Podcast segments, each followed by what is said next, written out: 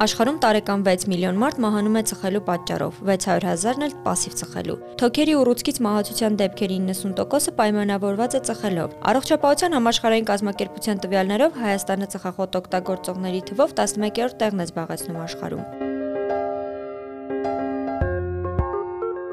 Բարի օր Armen Press-ի սիրելի ունկնդիրներ, ձեզ հետ լրատվական գործակալության թղթակից Գայանե Գաբոյանն է։ Հարց բժշկի նախագծի հերթական թողարկմանն այս անգամ անդրադառնալու ենք թոքերի վրա ծխախոտի թողած հետևանքներին, բարդություններին եւ հնարավոր լուծումներին։ Եվ մեր հյուրն է թոքաբանության ազգային կենտրոնի տնօրենի գիտական գծով խորհրդական դոցենտ բժիշկ ֆթիզիատր Լյուբով Նիկոլայանը։ Բժիշկ Նիկոլայան, շնորհակալ եմ հրավերն ընդունելու համար։ Ես էլ եմ շնորհակալ։ Բժիշկ Նիկոլայան, անդրադառնանք թոքերի վրա ծխախոտի թողած հետևանքների եւ բարդություններին։ Ուրախ եմ այդ հնարավորությունը ձեռնելու համար, որ պետք է խոսել ծխախոտի վնասակար ազդեցության մասին օրգանիզմի վրա։ Դժվար է առանձնացնել հատկապես շնչառական համակարգի վրա ծխախոտի թողած բացասական ազդեցությունը, քանզի ծխախոտը երևի թե որպես թիրախ կարող է ներգործել բոլոր օրգան համակարգերի վրա, սկսած նյարդային համակարգից վերջացրած մաշկով։ Թեև մաշկը գուցե վերջում չպետք է ասել, այն ծածկույթն է մարմնի, այնուամենայնիվ նշանակությամբ եւ թողած ազդեցության վնասակար հետևանքների առումով ես որպես մասնագետ պետք է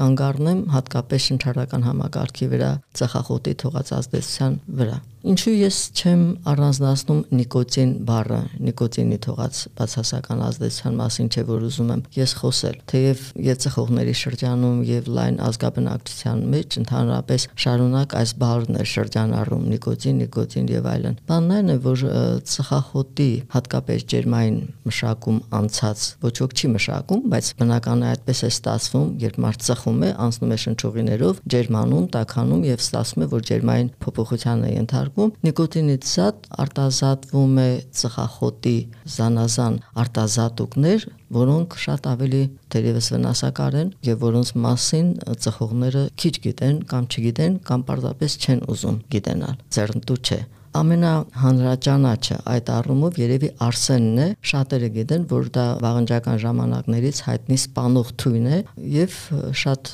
այդպես դեպքերում անգամ գեղարվեստական գրականության մեջ նկարագրվում են դեպքեր, թե Արսենով ինչպես են մարդուն թունավորում առանցին փոքր չափաբաժիններով կամ ամբողջական մեծ չափաբաժնով։ Այդ ամենով հանդերձ որևէ մարդ ձեռքը չի տանի վերցնի մի պտղունց Արսեն եւ օգտագործի, բայց չգիտես ինչու գնում են դրան մաս-մաս, մաս-մաս, փաստորեն քայլ առ քայլ իրենց մոտեցնելով գերեզմանի շեմին։ Արսենից զատ բենզոլ կա նաև ծխախոտի մեջ, կա ֆենոլֆտալեին։ Ֆենոլֆտալեինը ֆորմալինի նախատեսակն է, այսինքն այդ հիմքի վրա ստանում են ֆորմալին։ Ֆորմալինը շատերը գիտեն, պատոմորֆոլոգներ օգտագործում են օրգանները զմրսելու համար։ Դա պատկերավոր համեմատություն կլինի պատկերացնել, եթե օրգանները զմրսում են, ուրեմն յուրաքանչյուր ծխող ինքը իրեն սկսում է աստիճանաբար զմրսել Կան խեժեր, բազմաթիվ խեժեր, որոնք ջերմային մշակումից հետո անցնում են շնչառական ուղիներով, ձայնալարեր, շնչափող,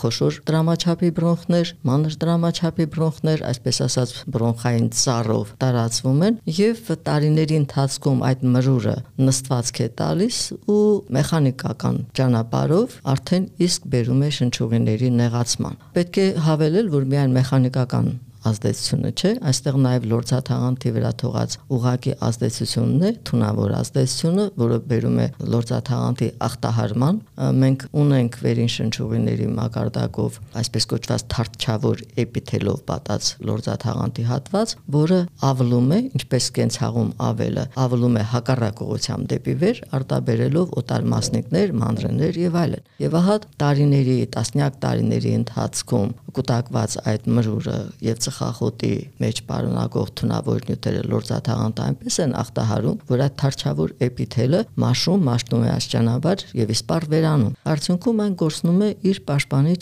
գործառույթը եւ չի կարող ոչ միայն օտար մարմինները դուրս բերել, այլ նաեւ զանազան այլ մասնիկներ եւ մանրեներ նույնպես։ Բացի այդ խեժերից կարևոր նշանակություն ունեն նաեւ ուրիշ այլ նյութեր, ինչպես օրինակ պոլոնիումը, որ ծխախոտի գործածման ժամանակ անջատվում է։ Պոլոնիումը բոլորը գիտեն, որ ճառագայթներ անջատող նյութ է, ռադիոակտիվ նյութ է, բոլորը եւ մենք հայերս նույնպես սարսափում ենք ուղղակի, թե ինչ բարձր ռադիացիայի պայմաններում ենք մենք ապրում, այնինչ ծխողը իրեն ենթարկում է այդ նյութի ազդեցության եւ մշտապես պոլոնիումը ներքուս լուսավորում է իրեն, այսպես ճառագայթում է։ Դա ոչ ամբողջական փունջն է ծխախոտի վնասակար ազդեցության, որ թողնում է օրգանիզմի վրա։ Երկարատև լորձաթաղանթի վրա գործած իր բացասական ազդեցության հետևանքով շնչական ուղիների ի վերջո զարգանում է թոքերի քրոնիկական հիվանդություն։ Ոչ ինքնատիպ հիվանդություն, ինքնատիպ ասելով ես նկատի ունեմ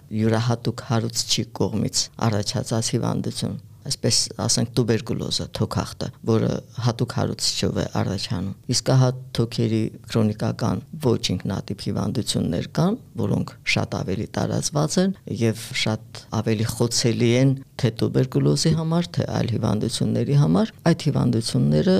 մեծ մասամբ զարգանում են ծխողների շրջանում նրանք ովքեր ունեն ստաժ իրենց մեջքի հետևում ծխելու նրանք ավելի ենթակա են հիվանդանալու թե ինքնատիպ հիվանդություններով շնչառական համակարգի թե ոչ ինքնատիպ հիվանդություններով դուք խոսեցիք քաղցկեղի մասին այո քաղցկեղը շատ լուրջ հիվանդություն է մահաբերության առումով գիտնականները տարբեր հետազոտություններով տարբեր տվյալներ ունեն այնպես է ստացվում, որ մահվան պատճառների մեջ քաղցկեղը բավականին բարձր տեսակարար կշիռ ունի եւ թոքի քաղցկեղը մասնավորապես Հայաստանում նույնպես այսպիսի հետազոտություններ են կատարվել կրծքագեղձի քաղցկեղից հետո թոքերի քաղցկեղը երկրորդ տեղում է իր հաջողականությամբ ցավոք սրտի եւ մահաբերության բավականին բարձր տոկոսով եւ քաղցկեղով հիվանդների վերհուշական տվյալները հավաքելիս ցանկացած թոքաբան առաջինը դա է հարցնում դու ծխել ես կամ ծխում ես եւ որքան ժամանակ ուղիղ համեմատական կապ գոյություն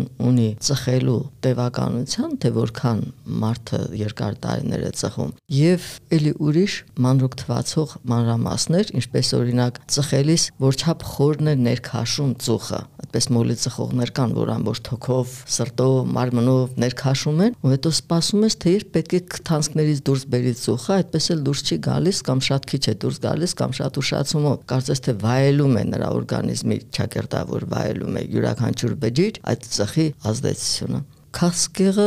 եթե ասում ենք մենք ընդհանրապես ծխողների մոտ հիվանդությունները շնչառական համակարգի տասնյակ անգամներ ավելի հաճախ են հանդիպում, ապա քասկեղի բարագայում դա բազմապատկվում է մի քանի տասնյակ անգամ ավելի հաճախ են հանդիպում։ Մենք կատարել ենք յուրատեսակ հետազոտություն տուբերկուլոզով հիվանդների շրջանում մեր թոքաբանության ազգային կենտրոնում բարձելու համար քաղցկեղ տուբերկուլոզ փոխկապակցությունը եւ վերցրել ենք այն անձանց, ովքեր ունեն այդ երկու հիվանդությունը եւս, եւ քաղցկեղը եւ տուբերկուլոզը։ Եվ բարձել ենք, որ հիմնականում 80 մոտ 3-82-99% դեպքերում քաղցկեղը եւ տուբերկուլոզը սուքորտվում են. տուբերկուլոզի շատ ծանր բարձի թողի հերու գնացած մանրեազատությամբ ուղեկցվող ձևերի հետ բայց դրա կողքին 9%-ից փոքրինչ ավել դեպքեր ունենք, երբ տուբերկուլոզը արդեն ավարտված է, վաղուց տասնյակ տարիներ առաջ մարդը հիվանդացել է տուբերկուլոզով եւ պահպանվել են միայն այսպես կոչված մնացորդային փոփոխություններ սպիների տեսքով, այդպիսի անձինք նույնպես ենթակա են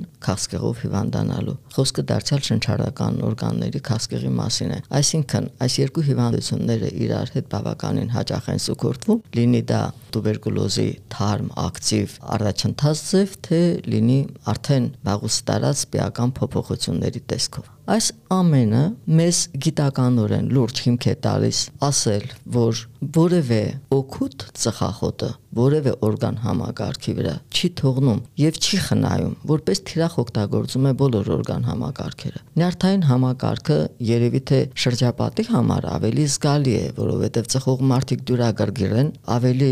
վատ են քնում, հավասարակշռված չեն, շուտ են բարկանում, ջղայնանում, դա ավելի նկատելի է։ Սիրտանոթային համակարգի վրա թողած ազդեցությունը մի քիչ կարծես թե ստվերված է, բայց այսպիսի մի օրինակ՝ մի ժամվա ընթացքում սրտի զարկերը ծխող մարդու մոտ 600-ից ավել անգամ ավելի հաճախ են։ Ինչու է այդպես լինում։ ոչ միայն այն պատճառով, որ նյարդային համակարգն է գրգռվում, մեկ այլ պատճառ եւս կա՝ քրոնիկական հիվանդությունների պարագայում շնչառական համակարգի թթվասնային քաղց է առաջանում բոլոր օրգան համակարգերի կողմից եւ այսպիսի դեպքերում արդեն բնականon ճանապարով օգնության է գալիս հարևան օրգանը մեր չարչրկված սիրտը որ փորձում է փոխհատուցել այն աշխատանքի բացը, որ տեղի է ունենում թթվասնի բացակայության պայմաններում թոքերի խնդիրներ ունեցող պացիենտների մոտ։ Սկսում է հաճախակի աշխատել, արյուն ավելի հաճախակի մատակարարել կենսական կարևոր օրգաններին, որոնք թթվասնի կարիքն ունեն, բայց ավաղ դա էլ չի փոխհատուցում այդ բացը եւ ի վերջո գալիս է ժամանակը, երբ զարգանում է ապա փոխհատուցում, այսինքն անկախ նրանից թոքերը որ չափով են արագ աշխատում, սրտամկանը որ չափ է արագ կծկվում, միևնույն է տարբեր օրգաններ չեն ստանում բավարար չափով թթվածին։ Դա ուղեղն է, դա լյարդն է, դա երիկամն է ու վերում է այդ օրգանների աստիճանաբար շարքից դուրս ভালো Ահա այսպիսի ցաղկեփունջ, որից կարծում եմ ծխող մեր ունկնդիրները եզրակացություն կանեն, թե ինչպիսի վնաս են հասցնում իրենք իրենց օրգանիզմին, իրենց կամքով։ Ոչ մեկը չի ծնվում ծխախոտը ձեռքին, դա ված սովորույթ է, որ ձեռք են բերում կյանքի ընթացքում, ժամանակի ընթացքում, զանազան պատճառներով, որոնք հետո ավելի շատ ոչ այնքան պատճառ են, որքան պատրվակ, որովհետև փորձում են արդարացնել։ Մեծ մասը գուցեև գիտակցում է, որ վատ է ծխելը, բայց շարունակում են ծխել։ Էլ ավելի վատ է, երբ այդ գիտակցողը գտնվում է ընտանիքում եւ թունավորում է ոչ միայն իրեն, այլ շրջապատին, իր համար այդքան թանկագին իր երեխաներին, որոնք ակամա զոհն են դառնում եւ երեխաները պաշտպանված չեն, ոչ իմուն համակարգն է լավ զարգացած, որ շնչուղիների պաշտպանիչ մեխանիզմներն են չափահասի նման դիմակայում այդ աղետին եւ ժամանակի ընթացքում տեսնում են, որ իրենց papa, իրենց հայրը շարունակ հազում են խորխում են, խսխզած ձայնով, խրպոտ ձայնով են խոսում, աստիճանաբար կապտում են նրանց շրթունքները, այտուցվում են ոտքերը, շնչահեղձության նոպաներով հաճախ հայտնվում են հիվանդանոցներում եւ ի վերջո նաեւ մահանում են։ Այդ բոլորը տեղի ունենում երեխաների, զավակների աչքի առաջ եւ դա լավ օրինակ չէ նրանց համար իհարկե։ Անդրադառնանք ինչ հնարավոր լուծումներ առաջարկում առողջապահության նախարարությունը եւ ինչ པարզ քայլեր եք առաջարկում ծխողներին, որոնց միջոցով կարելի է հրաժարվել ծխախոտից։ Ի ուրախություն մեզ 2018-ից ի վեր բավականին միջոցներ են ձեռք առնվել հակածխախոտային պայքարին լծված միտումով։ Դա լավ է իհարկե եւ վերջին այդ ակորդը եղավ այս տարվա հունվարի 1-ից ծխելը դադարեցնելու այդ կտրուկ որոշումը եւ կառավարության առաջին նիստում Տիկին Ավանեսյանն նշեց ծխախոտի վնասակար ազդեցության մասին եւ դրա կանխելու անհրաժեշտության մասին, նշեց, որ կեսը տղամարդկանց ծխում է 50%-ից ավելին եւ պետք է դադարեցնել ու հնարավորինս շուտ կասեցնել ծխախոտի վնասակար ազդեցությունը միջավայրի վրա։ Դա շատ ուրախալի է, որ կառավարությունը այդ հարցը այդչափ կարևորում է։ Ինչ պետք է վերացնելու համար։ Ես պետք է ասեմ իմ բավականին պատկառելի աշխատանքի ընթացքում եկել եմ եզրակացության, որ այն պացիենտները, ովքեր ուրախadir լսում են, ամեն կերպ փորձում են անցալել եւ կատարել, ենթարկվել հորդորներին բժշկի ու անմիջապես են արձագանքում դրան։ Այ ճմրթեցին ծխախոտատուփը ամբողջությամբ ու նետեցին աղբարգը։ Նրանք հաջողում են Ես հետո մեծ մասամբ, եթե չասեմ բացառապես բոլորին, այլևս նրանց ձեռքին ծխախոտ չեմ տեսնում։ Ինչը չի կարելի ասել այն պացիենտների համար, ովքեր ասում են կամաց կամաց կթողնեմ այդ կամաց-կամացը երբեք չի հաջողի, որովհետև այսօր նա ծխում է 15 հատ, հաջորդ օրը 13, մյուս օր 7, այն մյուս օր 3, մեկ էլ հաջորդ օր գալիս ես հիվանդին շրջայցի եւ արդեն պարզվում է, որ նա կրկին վերադարձել է 20-ի, որովհետև չգիտես ինչու նա սայթակել է, ինչ որ մի բան նրան հավասարակշռությունից դուրս է բերել։ Շատ միջոցներ կան, որ առաջարկում է առողջապահության համաշխարհային կազմակերպությունը, պատկան ատյաններ, ինչպես թողնել ծխելը։ Դա ծխախոտի փոխարինիչ միջոցներն են, տարբեր դեղամիջոցներ կան, բայց փորձը ցույց է տալիս իրական կյանքում, որ եթե չկա կամքի ուժ, ապա ապավինել նրան թե օրերից մի օր այդ դեղերը կբերեն նրան, որ սկուտեղի վրա մեկը իրենց կհրամցնի առողջ թոքեր կամ առողջ սիրտ, այդպիսի բան լինել չի կարող։ Պետք է յուրաքանչյուր մարդ ինքը որոշի, որ պետք է թողնի ծխելը։ Դրա համար ինչ է պետք անել առաջին հերթին միջավայրին տեղեկացնել շրջապատին, ընկերներ, ընտանիքի անդամներ եւ այլ, որ ինքը թողել է։ Դա նշանակում է նրանց զգուշացնել, սաստել, որ իր ներկայությամբ չծխեն։ Դա շատ կարեւոր է, որ այդ մարդը չգտնվի ծխելու միջավայրում։ Երկրորդին կգրի առնի, թե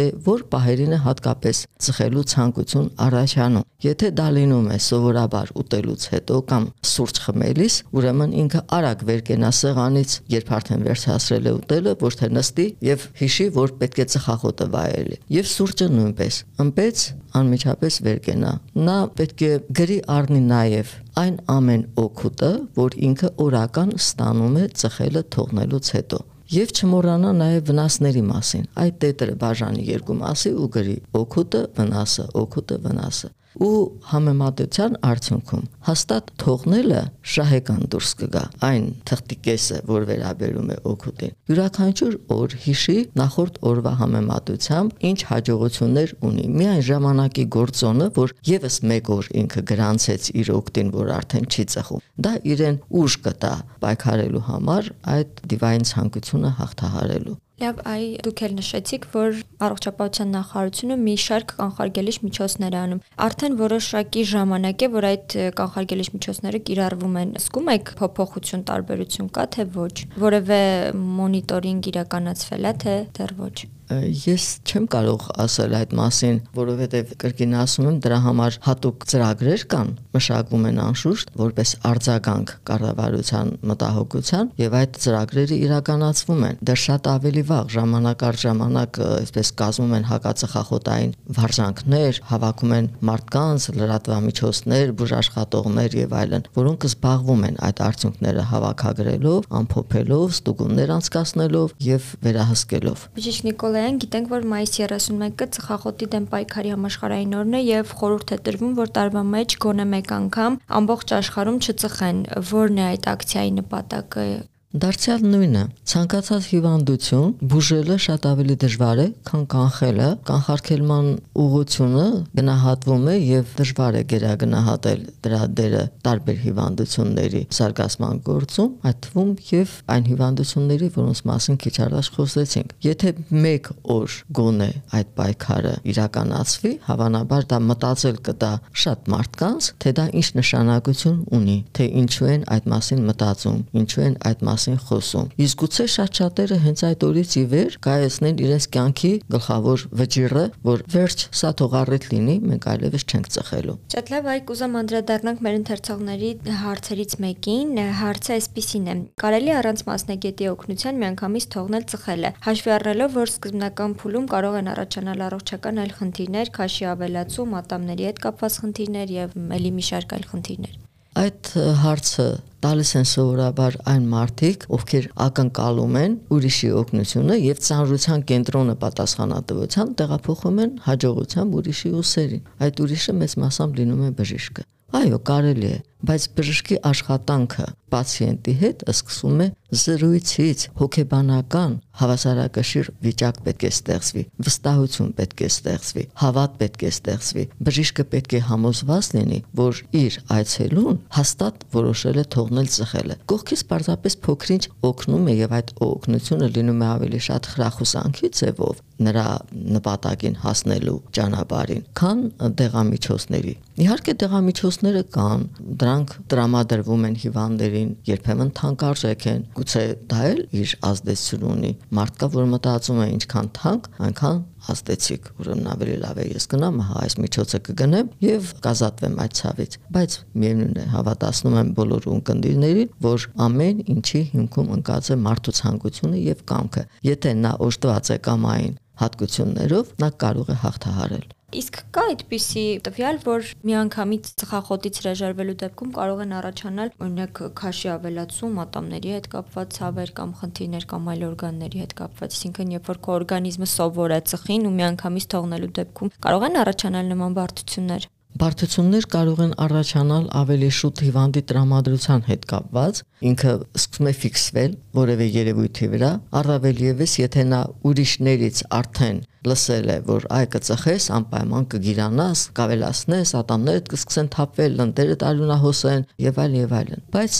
այս ամեն ինչը ավելի շատ հոգեբանական հիմք ունի։ Կարճ ժամանակ հետո ես կրկին անդրադառնում եմ եւ կարեւորում դա, եթե պացիենտը հաղթահարում է իր մեջ այդ փուլը ծխելու ցանկությունը, այդ հակումը, նա չի էլ նկատում արդեն ոչ իր ատամների խնդիրը, ոչ էլ հիշում է, թե երբանից արդեն ատամները չեն անհանգստացնում իրեն, լնդերը չեն արյունահոսում կամ քաշը երբանից ցես կարգավորվել Իսկ նա չի հիշում, որ ծխելու ընթացքում ատամները պատվում էին սև փառով։ Դա չի հիշում։ Դա չի հիշում Բերանի տհաճ հոտը։ Բերանի քաղցկեղի մասին էլ չեմ ասում։ Չէ՞ որ այդ ամենն էլ պետք է հիշել, ոչ թե միայն արդարանալ նրանով, այ ես վերադարձա կրկին ծխելուն, որովհետև իմ լնդերը սկսեցին արյունահոսել։ Բազմաթիվ մարդիկ կան, որոնք ունեն լնդերի խնդիրներ, բայց նրանք երբևէ գլանակ չեն վերցրել ձեռները։ Այնպես որ բացատրել ամեն ինչը դրանով ճիշտ չէ։ Եվ վերջապես ցանկացած հիվանդ հիվանդություն, իսկ ծխախոտի ծխելը դա էլ է հիվանդություն, այո, ավելի շատ գործածական է բժշկական գրականության մեջ ծխախոտամոլություն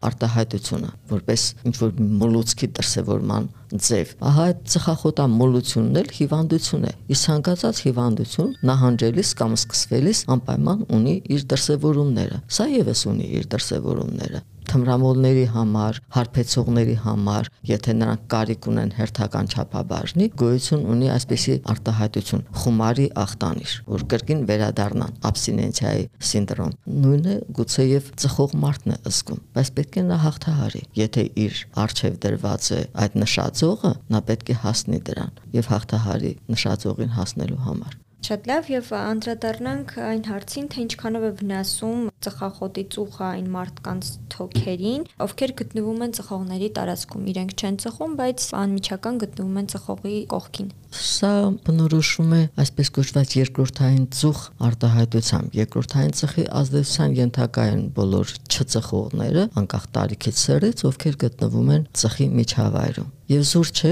որ կառավարությունը հատուկ ուշադրություն է դարձնում հանրային վայրերում ծխելուն, որովհետև հատկապես փակ տարածքներում, երբ օթափողությունը բավարար չէ, դա կլինի ավտոմեքենա, դա կլինի ննջարան, դա կլինի հանրային սննդի ճուր մի օբյեկտ, ավելի վտանգավոր է իհարկե, որտեղ ծուխը ավելի խիտ է եւ ավելի բնականաբար մեծ խտությամբ է պարունակում մեր զրույցի սկզբում թվարկած նյութերը, որոնք ազդում են